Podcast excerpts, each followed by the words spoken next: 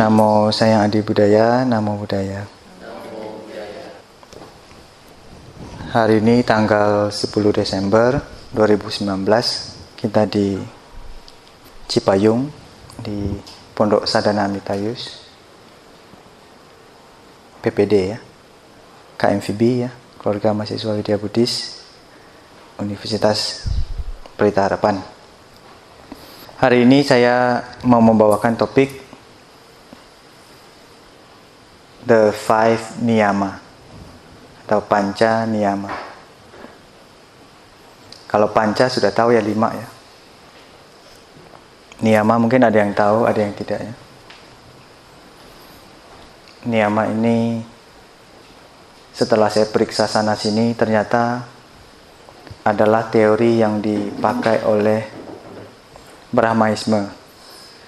Jadi banyak teori-teori, prinsip-prinsip atau konsep dalam agama Buddha adalah pinjaman dari uh, tradisi Hindu, tradisi Brahmaisme. Termasuk niyama ini. Jadi niyama ini sebetulnya prinsip atau konsep dari sekte ya. Sana jarang ada yang sebutnya agama ya mereka lebih sebut sebutnya spiritualisme atau spiritual sekte di di India sana ya. Sana banyak ya. India itu katanya negara atau wilayah yang paling banyak melahirkan spiritualisme di dunia ini. Paling banyak. Agama Buddha lahir dari sana ya. Buddhis, agama Buddha, Hindu ya, Hindu bagian dari apa? Brahmaisme. Terus Brahmaisme itu sektenya banyak lagi. Yoga juga salah satu spiritual di sana. Tapi sekarang yoga banyak buat kesehatan ya. Kesehatan sejenis meditasi penenangan batin peregangan membentuk body. Ikut ada yang ikut yoga nggak? Selain Yuyong ada ikut ya jadi yoga itu banyak bicara napas juga kan? Ya. Selain yoga, um, Mahavira, Samkhya, Nigranta, Nataputa, Sanjaya, kemudian sekte-sekte pemuja api ya. Ada macam-macam pemuja pohon ya. Yang penting ada pohon gede, kelihatannya angker, oh de jadi dewa pohon. Ada batu yang besar ya, yang grande gitu kan, gede. Terus kadang-kadang ada bentuk-bentuknya khusus. Wah ini dewa, dewi apa gitu. ya. Sama-sama Tiongkok ya. Apa pun dijadiin dewa ya. Dewa api, dewa air, dewa ular. Eh salah. Siluman ya. Kalau yang gitu-gitu kadang disebutnya siluman ya. Cupa, cupaci itu siluman atau apa itu. Padahal dewa katanya ya dewa dewi lah banyak. Jadi agama Buddha ini tidak independen sebetulnya tapi dia menyerap sana sini ya. Terus agama Buddha yang menyebar ke Tibet ke Tiongkok itu juga menyerap, menyerap banyak ya. Budaya apa pun dia serap ya. Tapi prinsip utama agama Buddha tampaknya tidak berubah. Ada berubah dikit-dikit tapi sebagian besar masih serupa jadi itu yang bikin hebatnya agama Buddha. Jadi agama Buddha Anda-anda ini perlu bisa membedakan apa itu kontennya agama Buddha dan apa itu kontainernya. Mana yang agama Buddha bungkus ya, bungkusan. itu yang saya bilang uh, kontainer ya, bungkusnya sama konten sama isinya. Ya, jadi dari 2000 tahun lalu sampai sekarang agama Buddha kalau misalnya ribut itu pasti ribut urusan kontainer. Cara doa, bahasa, cara bersujudnya ribut semua. Tradisi budaya yang bercampur di dalamnya. Kalau Anda meditasi, Anda bisa membedakan mana itu kontainer sama konten. Jadi nggak bisa cuma belajar aja. Banyak orang fanatik ya. Manusia belajar apa pun gampang jadi fanatik. Kalau meditasi, mindfulness, saya pikir sangat membantu. Kayak latihan seperti ini bukan sekali sekali latihan selesai. Anda bisa berlatih berkelanjutan terus, ya. Bisa dibawa pulang Kemudian kita secara rutin semi, sebulan sekali kita bikin day of mindfulness ya. Latihannya mirip seperti ini, tapi penyegaran. Jadi perlu penyegaran terus ya. Nggak bisa dibiarkan aja gitu. Kayak merawat pohon gitu ya, atau merawat tanaman. Setelah panen tanam lagi, panen tanam lagi, dirawat, dikasih air, dikasih pupuk niyama ini juga setelah saya periksa, selain dia berakar dari Brahmaisme, dia juga tercatat dalam suta. Ditemukan di dalam kitab komentar. Kitab Abhidhamma ya. Salah satu kitab komentar yang terkenal yang sering dikutip adalah karya dari Buddha Gosa. Buddha Gosa ini biksu hebat. Dia bikin komentar dan sangat dijunjung tinggi oleh teman-teman kita dari tradisi Theravada. Jadi Buddha Gosa ini biku yang menulis kitab sastra ya, sastra ya, komentar. Jadi komentar itu bukan dari Buddha langsung ya, tapi murid-muridnya. Jadi kalau ceramah saya Anda transkrip jadi buku ya kitab komentar jadinya. komentar tentang niyama. Tapi komentar ini seberapa dalam, seberapa precise ya tergantung realisasi masing-masing orang pengetahuan sama kejernihan pikirannya. Walaupun demikian, tapi ini menarik untuk di, di, dibahas ya. Contohnya kayak karma. Kamu kira karma itu milik agama Buddha? Enggak. karma itu milik ini, Brahmaisme. Jadi sebelum Siddhartha mencapai Buddha aja, karma sudah banyak dibahas. Jadi nggak usah terlalu bangga sama karma ya. Tapi bukan karmanya si Roy Kosasi ya. Oh ya, yeah. sorry sorry. Berarti dia dengan penuh kesadaran mendengarnya. Bukan Roy Ko Roy Kosasi ya? Uh, sengaja saya mah. Itu jok kan. Tapi karma secara umum kalau orang Indonesia mengerti karma itu sangat berbeda. Lu karma lu katanya. Bukan begitu. Jadi karma itu langsung di, dijatuhkan ke dalam konteks negatif. Padahal karma itu adalah netral. Karma itu artinya aksi. Ya makanya ada sebut aku salah karma sama kusala. Aku salah yang kurang baiknya, yang tidak bajik ada A-nya ya. Kusala yang bajik. Nah sekarang saya ada pertanyaan ya. Pertanyaan penting. Oke, Anda boleh bacanya. Do you believe that everything about your present life was caused by actions in the past? You only can answer yes or no. Do you believe or not? Percaya nggak? Yang percaya siapa? Angkat tangan. Saya hitung. Saya mau hitung saya.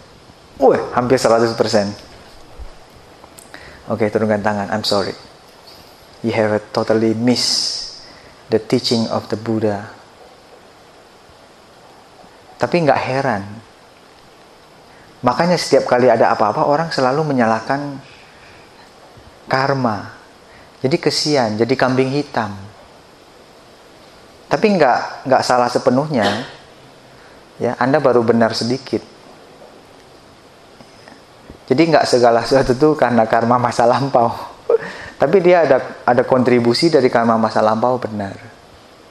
Karma masa lampau punya kontribusi.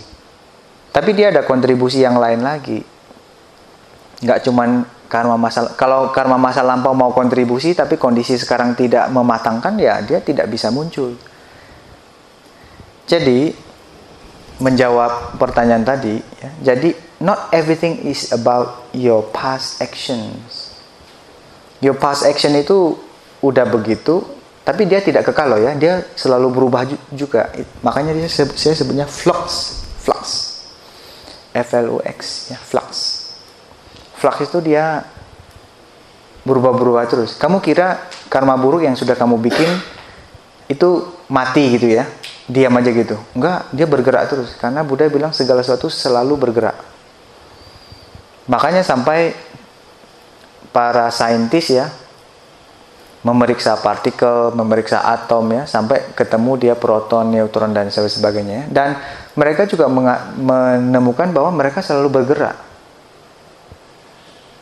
badan kita ini selalu bergerak loh walaupun anda duduk diam ya dia selalu bergerak. Minimal jantung Anda, darah Anda ya bergerak ya, mengalir. Sel-sel Anda hidup dan mati 24 jam. Jadi Anda tuh hidup mati 24 jam. Ya minimal sel Anda hidup dan mati selama 24 jam ya. Makanya ada orang Zen bilang kita hidup sekaligus mati. Kita hidup dan mati mereka tuh bareng katanya. Anda ini sedang menuju kematian loh. I'm sorry. Benar nggak? Sejak Anda dilahirkan, Anda sudah berlari kebut untuk menuju kematian. Oh, bahkan sebelum Anda lahir. Ketika Anda berada di dalam kandungan, Anda sudah kebut lari untuk menuju kematian. Coba pikir, logis nggak? Karena apa? Hidup kita itu untuk mati. Tapi jangan lupa, mati untuk hidup lagi. Karena kita punya sistem percaya bahwa kelahiran kembali. Percaya nggak? Percaya ya? Ya percaya dulu lah. Selalu saya buktikan agak susah kayaknya ya. Jadi present circumstances, apa yang terjadi di saat ini, are the result of countless factors. Ya, countless factors. Jadi faktornya banyak. Ya termasuk salah satu yang Anda sebut tadi, past action. That are always in flux goyang terus, bergerak terus. There is no single cause. Ha. There is no single cause. Kalau Anda tadi seolah the only single cause is my past action. That makes everything to be the way it is. Anda bisa ke sini kan bukan karena past action Anda. Tapi ada kontribusi banyak hal, ada panitia yang bikin penyelenggara, ada yang nelpon tempatnya, ada bantainya, ada janjian, ya. Faktornya banyak ya. Ada ibu yang masak, kalau ibu nggak masak repot juga ya. Terus tidak terjadi gempa gitu kan. Kalau gempa di mana nggak batal. Atau jalannya apa gitu ya. Jadi tolong disimpan ini ya. Jadi ini kira-kira kerangka berpikir tentang niyama. Karena niyama ini boleh disebut sebagai terjemahan umum sebutnya hukum alam hukum natural hukum natural yang yang kadang-kadang kita berpikir diatur sama siapa sih? Karena kita selalu punya konsep kita selalu meminjam konsep dari agama tetangga bahwa segala sesuatu itu ada yang atur. Kalau memang segala sesuatu ya ada yang atur berarti dia mengatur segala sesuatu ya. Hujan diatur gitu ya. Pohon bisa tumbuh diatur ya. Sibuk sekali dia. Atau mungkin dia banyak asistennya. Asisten dia bantu dia ngatur ya. Jadi saya mau cerita tentang there's a five types of factors at work in the cosmos that cause things to happen called the five niyamas ya. Jadi dalam kitab komentar ya sekali lagi kitab komentar kitab Abhidhamma Abhidhamma ini sebenarnya kitab yang sebetulnya warisan sebetulnya cuma dua kitab Vinaya sama kitab Sutta Abhidhamma ini udah agak campur-campur ya. Sutra Mahayana juga banyak yang campur-campur ya. Tapi karena naskahnya berharga, jadi kita tidak terlalu melekat pada apakah itu ucapan langsung dari Buddha atau tidak. Karena kan ada orang melekat, oh ini original dari Buddha. Tapi sistem pencatatannya kan belum tentu benar ya. Walaupun zaman dahulu selalu dibilang, oh Bante Ananda memiliki memori yang kuat, jadi dia bisa mengingat banyak ya, apa pun ceramahnya. Itu benar ya, satu sisi benar. Tapi setelah diturunkan ke sana sini, pasti ada sekian persen mulai hilang atau mulai error ada juga. Tapi nggak usah khawatir, karena itu bagian dari kejadian alami yang harus dialami, nggak bisa anda hindari. Anda lahir kan nggak bisa menghindari tua, Coba siapa sih yang bisa menghindari tua? Bedah plastik, apa makan makanan yang awet muda ya. Bisa aja sih, tapi bisa berapa lama dia bertahan? Gak ada yang bisa melawan usia tua. Sebelum saya pulang ya, saya kan masih di Bangkok. Hari apa itu? Jumat. Saya Sabtu ya terbang ke sini. Hah? Sabtu saya terbang ke sini. Jumat saya masih di Bangkok. Kita para Bante ini kan gundul ya. Bukan botak ya. gundul. Dan kita punya uh, jadwal untuk cukur rambut. Hmm, kita punya jadwal rutin cukur rambutnya. Kalau Anda kan berapa lama sekali cukur rambut? Yang cowok berapa lama? Sebulan kali ya? Yang cewek? Setahun. Lama banget. Hemat dong. Oh, tunggu senja baru cukur ya. Oh. Tapi nyampunya kapan? Setiap hari? Wah, boros. Kalau kalian nyampu tiap hari juga? Sama boros. Jadi ketika pagi itu pagi itu kan bangun saya saya tidak terlalu lama lihat cermin biasanya. Jadi pagi itu saya lihat cermin agak lama. Karena saya sangat terkesima melihat rambut saya mulai putih. Tua, tidak ada yang bisa melawan saya bilang. Tapi saya tidak sedih, tapi saya amazing ya. Kalau anak zaman sekarang bilang amazing ya. amazing. Sebenarnya saya sudah mulai memperhatikan ada satu dua gitu ya, mulai putih gitu kan. Tapi pas Jumat itu ketika saya bercermin mau gosok gigi saya. Pas saya lihat, loh kok banyak putih sekarang. Berdebar-debar, mau sedih nggak bisa, mau bahagia juga gimana. nggak ada orang yang bahagia lihat ini ya. Kalau kalau onti-onti atau bapak-bapak, angkel-angkel, biasanya dia semir ya. Semir ya namanya. Dihitamkan lagi ya. Tapi I'm sorry. Itu kayak cover up sementara aja. Dan kita, para bante nggak boleh dicabut ubannya itu. Karena itu sebagai reminder. Jadi mau banyak mau sedikit ya. Sebagai reminder, jangan sia-siakan waktu Jangan sia-siakan waktu. There are five types of uh, factors at work. Factors at work. Jadi ada ada faktor-faktor yang selalu bekerja terus. Barangkali anda suka bertanya kenapa jantung kita bisa mompa terus. Anda nggak perlu nyuruh menyuruh jantung anda untuk mompa. Hei jantung pompa.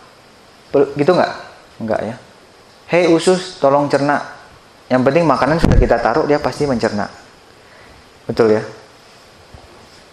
Apalagi, hei darah muter kau. Nggak usah ya. Hei napas, napas lu. Nggak usah juga ya.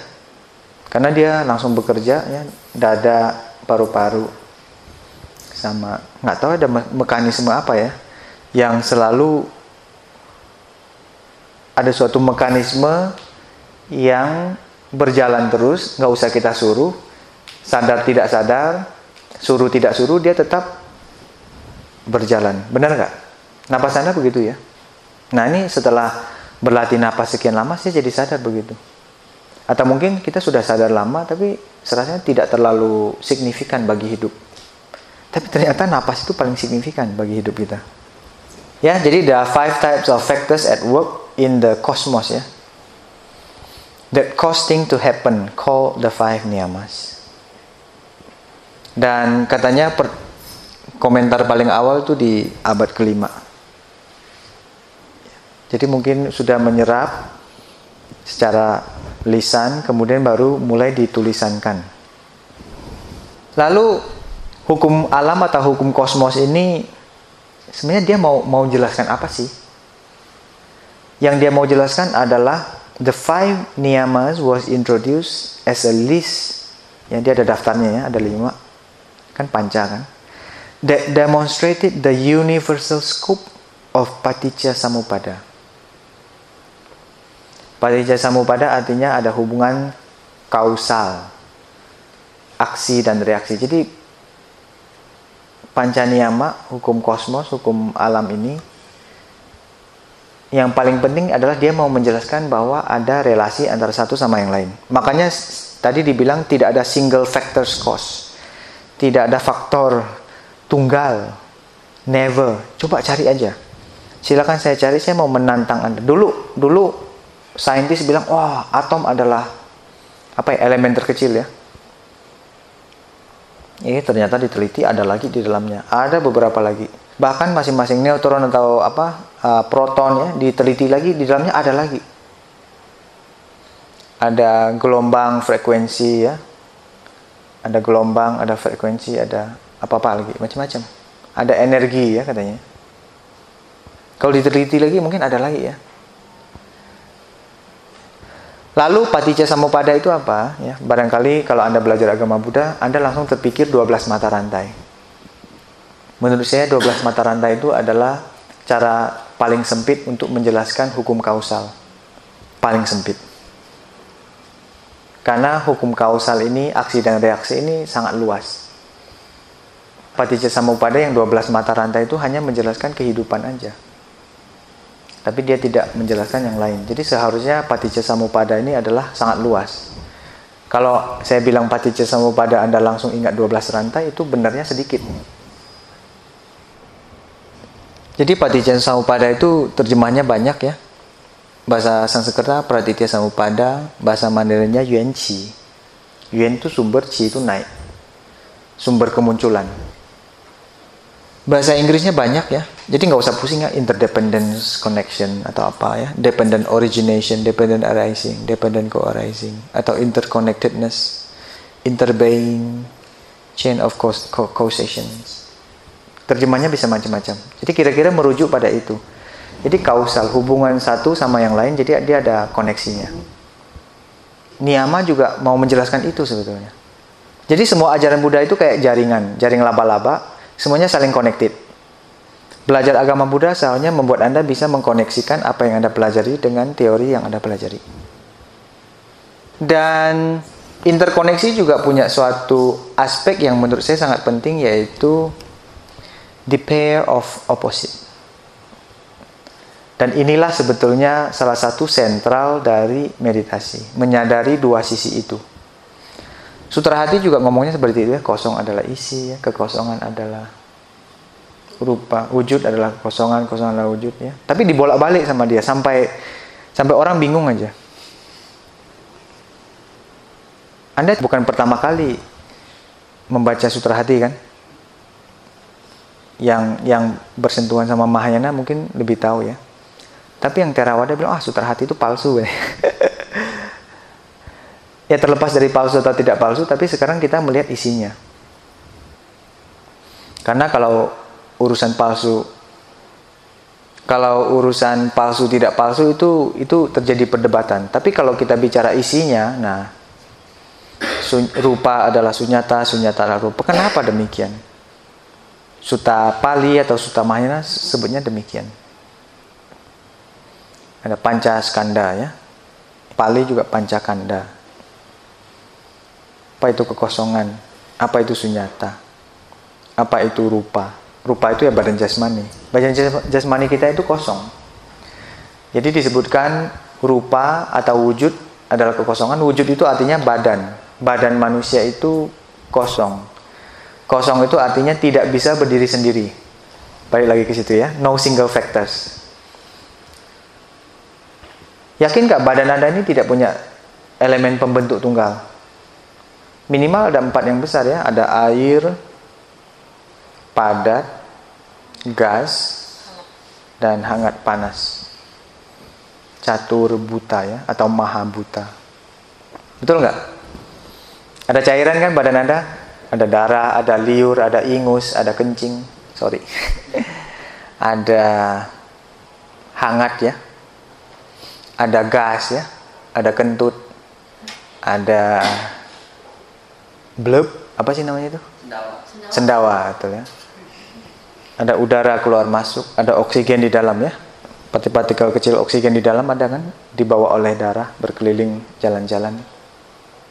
Ada ya? Ada kentut kan ada lah kalau nggak ada bahaya. Nah di pair of opposite itu apa aja? Banyak. Saya cuma list beberapa ya. Suka duka benar ya jadi Buddha bilang itu mereka ini satu paket ini. Kalau manusia maunya suka aja, duka mau dibuang jauh-jauh ya. Kalau kamu buang duka, suka juga sekalian kamu buang itu namanya.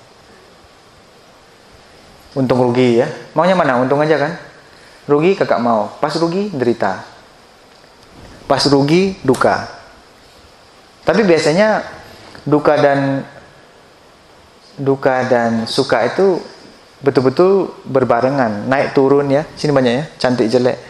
Tenar jelata. Naik turun kiri kanan atas bawah maju mundur. Punya relasi nggak mereka? Mereka connected. Nggak bisa dipisah-pisah. Bisa sih cara pandang kita memisahkannya tapi dia tidak terpisah. Bagaimana kamu bisa memisahkan antara kiri dan kanan timur dan barat barat itu ada nggak sih ada ya? Yakin. Ambil kompas, oh ke sana Bante.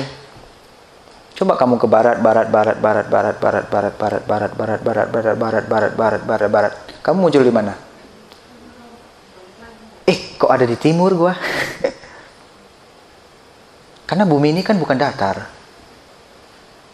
Kamu bukan pemak apa penganut paham bumi datar kan?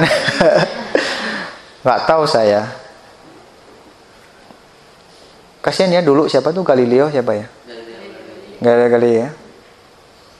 Penemuan sangat luar biasa, malah dia di hukum mati ya. Tapi karma dia kayaknya. karma ya. Benar ya? Kalau kamu ke barat, barat, barat, barat, barat, kamu munculnya di mana? Timur. Tapi kapan mulai timurnya? Nah ini. Kamu ke timur, timur, timur, timur, timur, timur, timur, timur, timur, timur, timur, timur, timur, timur, timur, timur, timur, eh nongol di barat. Jadi mana titik poin barat sama timur? Berarti di dalam barat ada timur. Karena apa? Kamu ke barat terus, munculnya timur.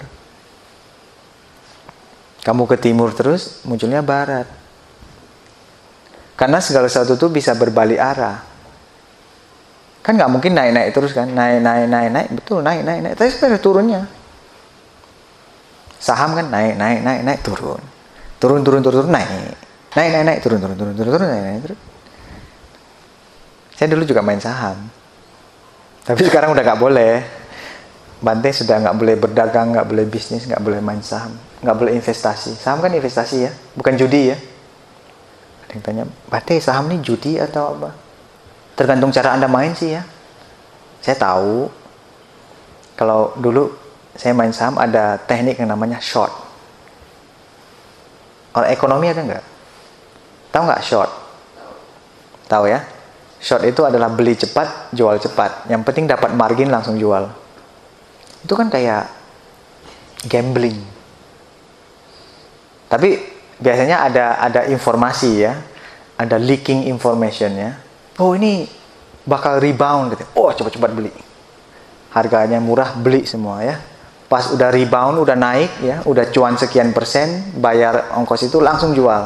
Yang penting kan cuannya. Tapi ada kita kalau investasi beli saham, kita analisa dulu, kita baca laporan apa lugi laba, apa neracanya. Terus apa planning dari perusahaan itu. Dan kalau Anda mau main saham, kalau bisa seperti itu. Analisa, investasi ya. Sama lihat juga perusahaannya seperti apa. Kan banyak ya perusahaan yang menyebabkan kerusakan lingkungan ya. Oke ya, Anda boleh sebut macam-macam ya. Nanti boleh didiskusikan ya, pero opposite. Dan bagaimana relasi mereka dan bagaimana mereka saling terkait. Nah, kita mau masuk ke yang paling utama, saya langsung kasih 5 ya. Jadi jangan tanya saya listnya kenapa 5, nggak 6, nggak 7, nggak 8, nggak 4. Karena setelah dikumpul-kumpulkan kayaknya cuma bisa masuk kategori 5. Karena segala sesuatu yang ada sudah bisa masuk ke salah satu kategorinya ya. Ada yang nomor satu namanya utu niyama yang berkaitan dengan cuaca ya berkaitan dengan panas dingin temperatur ya musim dingin musim panas ya kalau Indonesia ada musim apa aja musim kemarau, musim panas. Setahu saya Indonesia cuma punya dua musim. Musim panas, musim lebih panas. Panas mulu ya. Oh, enggak ya, tadi agak adem ya. Ini. Tapi semakin panas juga nanti. Yang namanya kalau dulu istilahnya global warming ya. Bukan isapan jempol ya. Berarti nanti ada global cooling dong. Pair of opposite ya. Ada kan upaya-upaya orang untuk melakukan sesuatu agar apakah pencegahan, reverse atau memperlambat macam-macamnya. Vegetarian termasuk salah satunya ya. Kemudian dengan berlatih meditasi seharusnya konsumsi kita jangan terlalu banyak jadinya. Anda tidak perlu konsumsi banyak-banyak. Konsumerisme kan sama kapitalisme. Kapitalisme maunya sebanyak-banyaknya ya. Jadi plastik, sampah, beli barang berlebihan, kendaraan, naik pesawat. Aduh, saya naik pesawat banyak juga nih. Tapi gimana ya? Apa? Jejak karbon kayaknya. Anda nggak terlalu sering naik pesawat kali ya? Saya sebulan minimal sekali. Malah bisa lebih. Mungkin harus dikurangi sekarang ya. Nggak boleh banyak-banyak pergi-pergi ya. Ya maksudnya kalau bisa naik public transportation ya ya. Kan nggak nggak bisa nggak traveling sama sekali ya. Naik kalau ke Bandung naik kereta gitu kan. Ada apa Transjakarta bisa atau sharing public transportation ya. Apalagi Jakarta sekarang udah ada MRT ya. monorail ya. Jadi dia berkaitan dengan yang pertama utu niyama berkaitan sama cuaca, temperatur ya, season ya. Spring, summer, autumn. Apalagi satu lagi. Winter. Iya. Tapi ada sebabnya kan, kalau orang saintis kan suka cari sebabnya kan. Cari sebabnya adalah kenapa bagian di Indonesia lebih sering panas ya karena dia berada di agak tengah. Kemudian posisi matahari demikian. Jadi kita dapat sinar matahari lebih banyak. Kenapa dia musim hujan gitu kan? Karena bumi ada aksisnya kan, dia seberapa banyak apa berapa derajat dia berpisah gitu kan? Apa ber, bergerak utu niyama ini sebetulnya kayak fisika, kayak kimia gitu loh ya. Kenapa hujan gitu kan? Bukan karena Tuhan menurunkan hujan. Jadi prinsip Buddhis tidak bukan Tuhan yang menurunkan hujan. Jadi kalau Anda minta hujan kepada Tuhan, malah sekarang bisa diciptakan kondisi sehingga ada hujan lokal gitu ya. Setelah dia cari-cari tahu ada sebab-sebabnya ya, sesuai dengan empat kebenaran mulia ya. Empat kebenaran mulia adalah pertama ada sebabnya ya, sebab duka. Eh salah-salah. Pertama adalah uh, ada adanya duka, kita akui dulu bahwa ada duka, kemudian ada sumbernya, ada sebabnya. Nah, terus duka ini tidak bertahan lama, anicca. Jadi nomor tiga itu ada urusannya sama anicca juga, ketidakkekalan ya. Nomor empat ada caranya, cara memunculkan hujan. Gak bisa minta-minta-minta ya. Mungkin Anda pernah dengar cerita ada bukan ada orang yang mau menyeberang sungai tapi berdoa di pinggir sungai. Saya berdoa semoga saya bisa menyeberangi sungai. Doalah seribu tahun. Bisa tiba-tiba dia plung, pindah ke sebelah bisa. Harus ada usahanya. Tapi uh, doa not bad ya karena dia memunculkan aspirasi dan tekad ya. Tapi not enough. Ya, doa masih belum cukup. Tapi boleh, saya nggak melarang. Ya, jadi ada ada sebab-sebabnya ya. Ada korelasi namanya. Nomor dua bija ya, bija niyama. Nah paling gampang ingat nih bija A-nya diganti jadi I, biji. Karena istilahnya itu bahasa Indonesia banyak nyerap ya. Contoh bija ini biji ya. Kalau biji Anda langsung tahu ya. Banyak istilah bahasa Indonesia yang diserap dari Sanskerta. Contoh, manusia, manusia, manusia, manusia, apalagi bumi, chandra, chandra tahu? Chandra bulan, chandra nggak nggak tahu? Chandra itu bulan, apalagi dewa, dewi, ah benar. Coba bahasa Sanskerta apa lagi? Hmm? Garuda. Oke. Okay. Ya, burung-burung besar itu. Apa lagi? Coba pikirkan.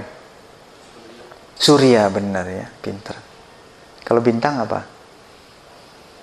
Bintang nggak ada. Angkasa. Angkasa, cakrawala. Ya banyak lah ya. Jadi bija itu berkaitan sama biji-bijian yang bisa tumbuh. Berkaitan sama tumbuhan yang bisa tumbuh sana sini. Bagaimana proses dia tumbuh. Dan dia ada kaitannya sama nomor satu. Utu niyama. Kenapa buah ini hanya ada, bisa tumbuh, mateng, dan kondisinya cocok pada musim dingin saja. Atau musim panas saja. Ada kan? Jadi nomor satu ada kaitannya sama nomor dua ya? Nanti saya akan kasih tahu bagaimana lima ini saling kaitan semua. Jadi Anda sudah lihat ya. Satu ada kaitannya sama dua. Makanya itu disebut sebagai constraint of seeds or germs. Seed ya, benih-benih. Yang artinya kalau Anda tanam jagung, ya yang muncul jagung. Nggak mungkin Anda tanam jagung yang nongol duren. Maksudnya ya hereditasnya ya, maksudnya warisannya dulu ada satu satu kabar ya entah hoax atau apa ya katanya manusia bisa melahirkan telur. Logis nggak? Ternyata tipu-tipuan itu ya. Katanya dia gimanain terus dia videoin ya. Dari mananya keluar telur gitu kan. Tapi ternyata telurnya dimasukin dulu terus baru dikeluarin. Orang bikin sensasi ya. Kalau ayam ya bertelur ya. Manusia yang melahirkan manusia. Kalau tanam jagung ya munculnya jagung. Tapi setelah ditanam, apakah dia betul-betul bisa muncul? Ya belum tentu, karena mungkin cuaca ya. Atau Anda tanam di batu gitu. Nggak bisa juga ya. Harus tanam di tempat yang pas. Oke okay, ya. Terjadi gempa ya. Gempa kan ini utuniama gitu ya. Gempa terus bijinya hancur. Nggak jadi tumbuh. Nomor tiga, kama atau karma. Nah, Anda sudah tahu semua. Karma ini paling menarik ini. Karena ini berkaitan langsung sama kita. Karena nomor satu, nomor dua kayaknya kayak eksternal gitu. Betul ya? Karena nomor satu, nomor dua itu contohnya gempa bumi. Gempa bumi itu kadang ada yang bilang itu hukum dari Tuhan, ya. hukuman ya. Tapi sebetulnya dia ada relasi sama kama. Ada relasi saya bilang ya. Karena apa? Banyak orang melakukan pembalakan, buang sampah atau melakukan penggalian apa-apa sehingga merubah struktur bumi sehingga memicu sesuatu. Jadi ada karma ikutan bermain. Tapi kejadiannya itu adalah reaksi, reaksi dari bumi. Contohnya ada gempa di satu kota, banyak orang mati. Ada karma bermain di situ. Dan karma itu nanti Anda boleh tanya lah ya, diskusi ya. Jadi karma itu selalu berkaitan dengan aksi manusia. Atau aksi binatang juga termasuk karma. Nah, sekarang saya mau tanya. Anda kan banyak belajar terawada, berpunya cara pandang bahwa kalau sesuatu dilakukan dengan tidak sengaja, itu tidak menghasilkan karma. Anda setuju nggak? Sekali lagi, Anda melakukan sesuatu dengan tidak ada niat, tidak ada motivasi, Dan itu tidak menghasilkan karma. Anda setuju nggak? Yang setuju angkat tangan? Yang tidak setuju?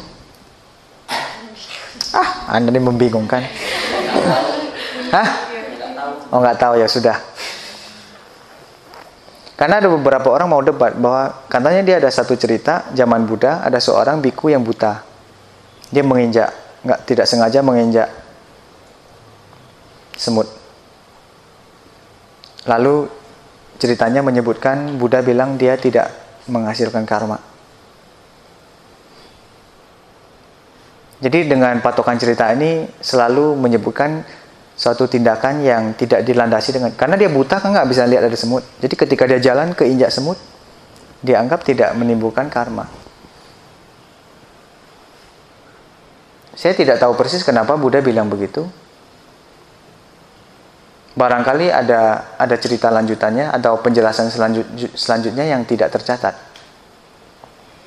Saya sih yakin atau terjemahannya ada kekeliruan ya. Seharusnya Buddha bilang karma yang matang tidak memberi efek kepada dia. Tetap ada karma di situ. Atau saking kecilnya tidak memberikan efek. Seolah-olah tidak ada. Tapi bukan berarti nggak ada karena efeknya sangat kecil. Sampai tidak tidak terlalu memberi efek mengganggu. Bahkan kita menganggap tidak ada. Anda sakit kepala sedikit ya. Itu kan karma juga. Tapi karena saking sedikitnya sakit kepala, anda tidak merasa itu adalah karma.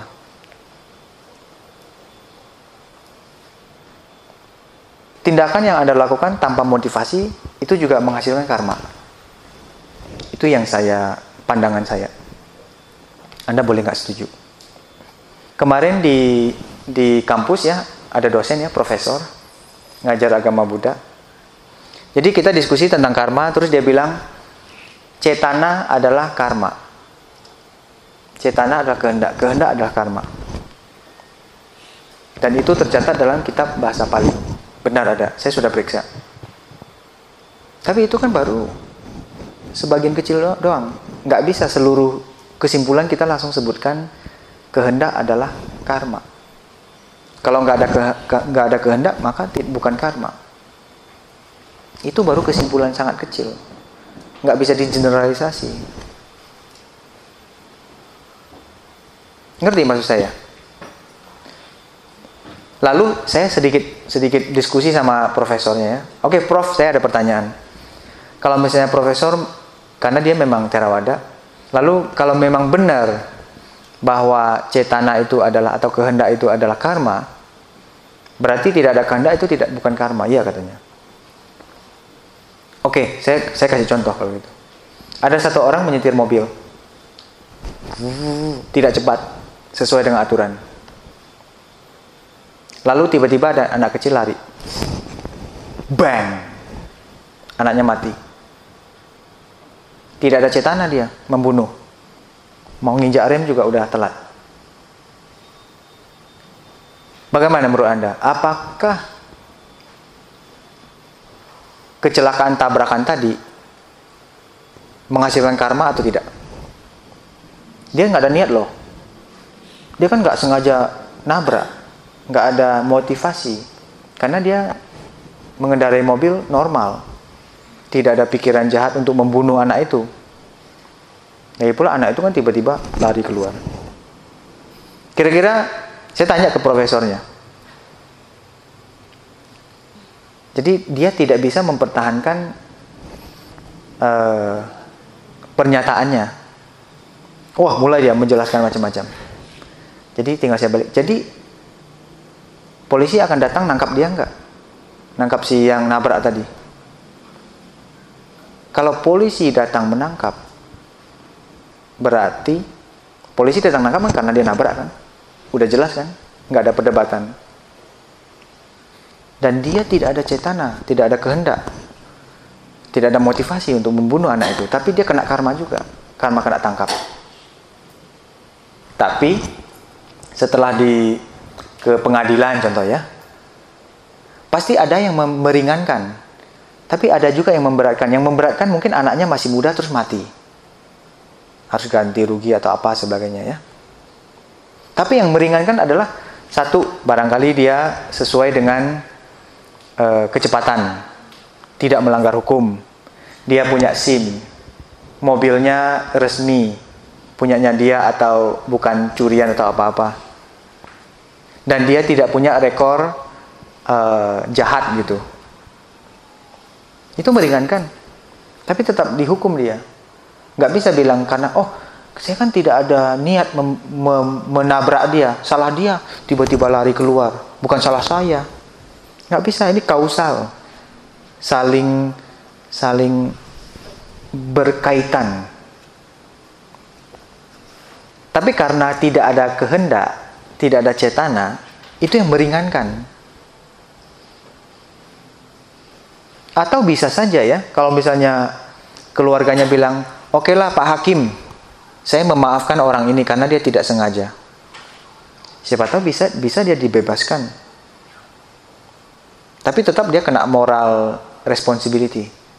Walaupun tidak sengaja ya tetap ada orang yang terbunuh. Tapi hampir jarang kali ya. Walaupun tidak sengaja tabrak, mati terus keluarganya suruh memaafkan juga. Ada kemungkinan tapi ini susah ya. Kama nanti banyak ya, nanti boleh diskusi lebih panjang ya. Jadi kama itu tidak hanya ter terkotakkan dalam cetana saja, tapi ada faktor-faktornya. Ya. Katanya ada empat faktor ya. Faktor pertama adalah eh, motivasi, ada objeknya, ya. Kemudian ada pelaksanaannya, kemudian ada penyelesaiannya. Contohnya pembunuhan. Pembunuhan saya ada motivasi mau bunuh dia. Motivasinya apa? Karena saya benci sama dia. Pertama. Atau saya serakah. Saya mau mengambil alih kekayaannya. Saya mau saya, mau saya bunuh. Bisa ya, nomor satu. Nomor dua. Kalau membunuh dia harus adalah makhluk hidup. Nggak bisa handphone yang kau bunuh. Nggak masuk kategori pembunuhan. Itu kategori perusakan. Jadi identifikasi objek objeknya harus jelas, makhluk hidup termasuk ikan, ayam, burung. Ya, jadi pertama motivasi, kedua objeknya harus jelas. Kalau objeknya meleset juga meringankan. Mau bunuh orang, eh tiang listrik yang ketabrak. Contoh gitu ya. Karena kesalahannya. Lalu pelaksanaannya. Pelaksanaannya gimana? Suruh orang, taruh racun, pasang bom, pakai pisau tusuk. Itu caranya, the way. Tapi ketika motivasinya sudah jelek, identifikasi objeknya sudah makhluk hidup udah benar, pas mau tusuk batal. Nah, itu juga bikin kondisinya tidak lengkap. Ada karma tapi tidak lengkap. Sama kan ada orang ya contoh. Ada orang niatnya buruk, mau bunuh, ketika mau bunuh nggak jadi apa e, karena si yang mau dibunuh jago kungfu, we, we, we, we, ya berhasil dia gini, dia tetap ada karma buruknya. Dan ketika ditangkap sama polisi tetap dia bakal di bakal di penjara karena niat membunuhnya. Walaupun tidak berhasil membunuh ya. Itu nomor tiga ya caranya. Nomor empat adalah penyelesaiannya. Penyelesaiannya adalah pembunuhan lengkap sempurna ketika si yang mau dibunuh mati. Kalau dia setengah mati, itu juga nggak lengkap. Meringankan ya, tetap ada karma buruk tapi meringankan. Jadi karma itu tidak bisa bilang ada tiada, tapi dia selalu ada level degree keberatannya yang sangat berbeda, variasi lengkap ketika motivasi jelek, identifikasi benar, pelaksanaannya sudah dilaksanakan dan dia mati. Nah, itu lengkap. Biasanya bisa masuk neraka katanya. Tapi, tapi kalau nyamuk sebel gua sama nyamuk nih. Berani kau seduk darah gua. Hmm. Ya. Jadi niatnya udah jelek, identifikasi nyamuk sudah benar, Pelaksananya pakai tangan.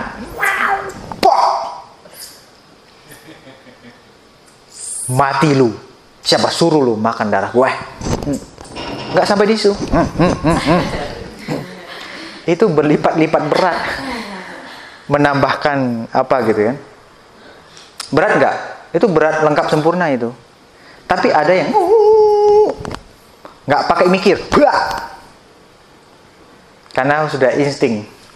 Nah itu kurang itu, motivasinya mungkin kurang kuat. Jadi cetana juga sangat besar peranannya di situ. Benar nggak? Kalau saya sih kalau ada nyamuk sekarang, shu shu shu. Sorry ya, nggak bisa dana, nggak bisa berdana darah maksudnya. Aduh, kalau ngomong karma sangat panjang. Saya berhenti sampai sini aja ya. Nanti diskusi di sore nanti ya. Kalau mau diskusi lebih banyak ya. Dhamma niyama ya. Dhamma niyama adalah kebenaran universal di mana-mana pun berlaku sama. Coba bisa nggak ada sebutkan?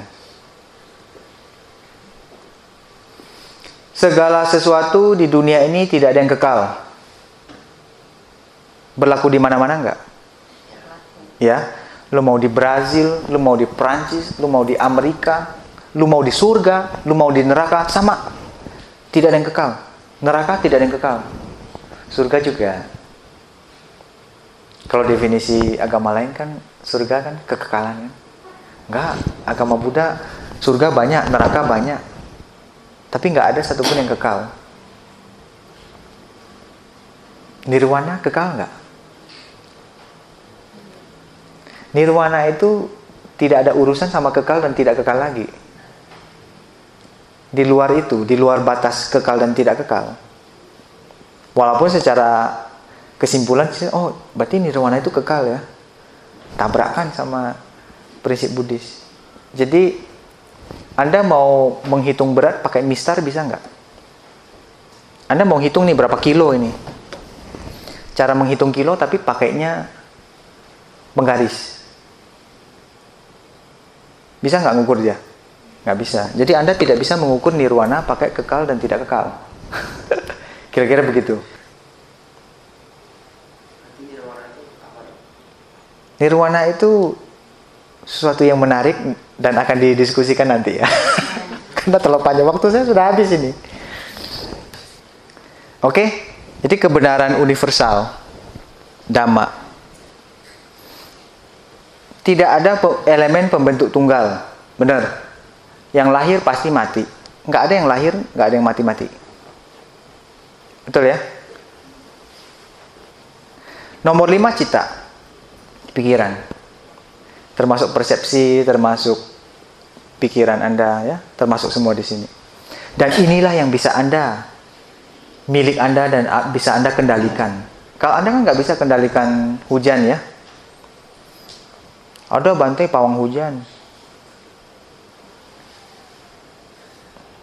Nggak tahu saya. Tapi pikiran tuh persepsi milik Anda. Bisa Anda kendalikan. Tapi lebih sering tidak terkendali ya. Tidak terlatih dan tidak terkendali. Kira-kira demikian ya. Dan apa yang kita lakukan? Melalui nomor 5, melalui nomor 5 untuk mengerti nomor 4. Ya kan? Dan pikiran dan pikiran kita itu juga termasuk nomor 4. Karena apa? Pikiran kita itu tidak pernah diam. Betul nggak? Termasuk dharma. Bahwa pikiran manusia mana pun tidak ada yang diam. Bahkan sudah mati, badannya sudah mati, dia terus bergerak terus. Yang disebut sebagai kesadaran lanjutan namanya ya. Tapi dia nggak punya fisik. Tapi bukan bukan jiwa ya, bukan soul ya. Karena definisi agama Buddha ada jiwa nggak sih? Nggak ada ya, yakin ya. Karena definisi jiwa itu diberikan oleh Tuhan. Sudah langsung coret, tetot. Terus jiwa itu kekal. Sama, Hindu dan Brahmaisme juga menganggap jiwa itu kekal. Nah, ini, ini masalahnya. Masalahnya adalah kalau jiwa Anda kekal, berarti jiwa Anda tidak berubah. Tapi buktinya berubah. Anda kecil. Kalau misalnya jiwa kekal, Anda dari kecil akan selalu ber, ber, berjiwa berperangai, berpikiran anak-anak terus. Sampai anda, anda umur 20 tahun, Anda masih anak-anak. Tapi buktinya tidak begitu ya. Berarti yang disebut sebagai jiwa itu, yang kekal itu kayaknya nggak ada itu. Dia berubah-berubah terus. Ya, jadi tetot diberikan Tuhan, tetot. Kekal, tetot. Hah? Jadi kesadaran bidangnya Bidang apanya? kayak ya kesadaran kelanjutan itu berarti ada sesuatu Energi. Ya, energi di sini nih. Jadi dia dia ada ada kumpulan mekanisme yang bersama-sama terus, tapi dia tidak tunggal. Mekanisme ada dorongan sana sini, terus dia didorong oleh karma baik dan karma buruk. Suppliernya dia itu karma baik, karma buruk yang pernah anda bikin. Jadi dia dorong, mendorong ke anda kenapa terlahir di Indonesia? Karena ada pendorongnya, ada ada koneksi sebelumnya. Orang tua atau diri sendiri pernah terpikir, pernah nonton, pernah dengar. Informasi-informasi tersimpan. Atau karena koneksi dengan orang tuamu kuat sekali sehingga ketika orang tua calon orang tuamu ada di Indonesia, Anda terlahir di Indonesia. Saya tidak bisa menjelaskan persis tapi biasanya dia pakai istilah energi. Ya? Oke. Nanti diskusikan ya. 5 4 berkaitan sama 3. Pikiran penentu kamanya apa ya? Betul nggak? Kemudian semua ini juga bisa mempengaruhi nomor 2. Kalau kita nanam ya, malas-malasan ya. Atau tidak kita lakukan apa pun ya, tidak ada aksi apa pun, ya mungkin bisa tumbuh, tapi kalau dia terlalu gersang ya dia tidak tumbuh. Cuaca juga bisa dipengaruhi ya. Manusia mempengaruhi cuaca. Kemudian cuaca juga mempengaruhi manusia ya. Kalau panas, aduh Bante panas sekali, minta AC dong. Kalau sini kan nggak perlu AC ya. Sini AC-nya dari alam. Lebih bahagia ya. Kalau balik lagi ke Karawaci mungkin kurang bahagia ya. Bante harus skripsi, bikin PR, laporan, praktikum,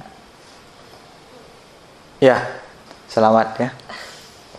Oke, terima kasih. Semoga beberapa beberapa penjelasan tadi sedikit bermanfaat buat Anda ya. Terima kasih atas perhatian. Selamat siang. Namo Buddhaya.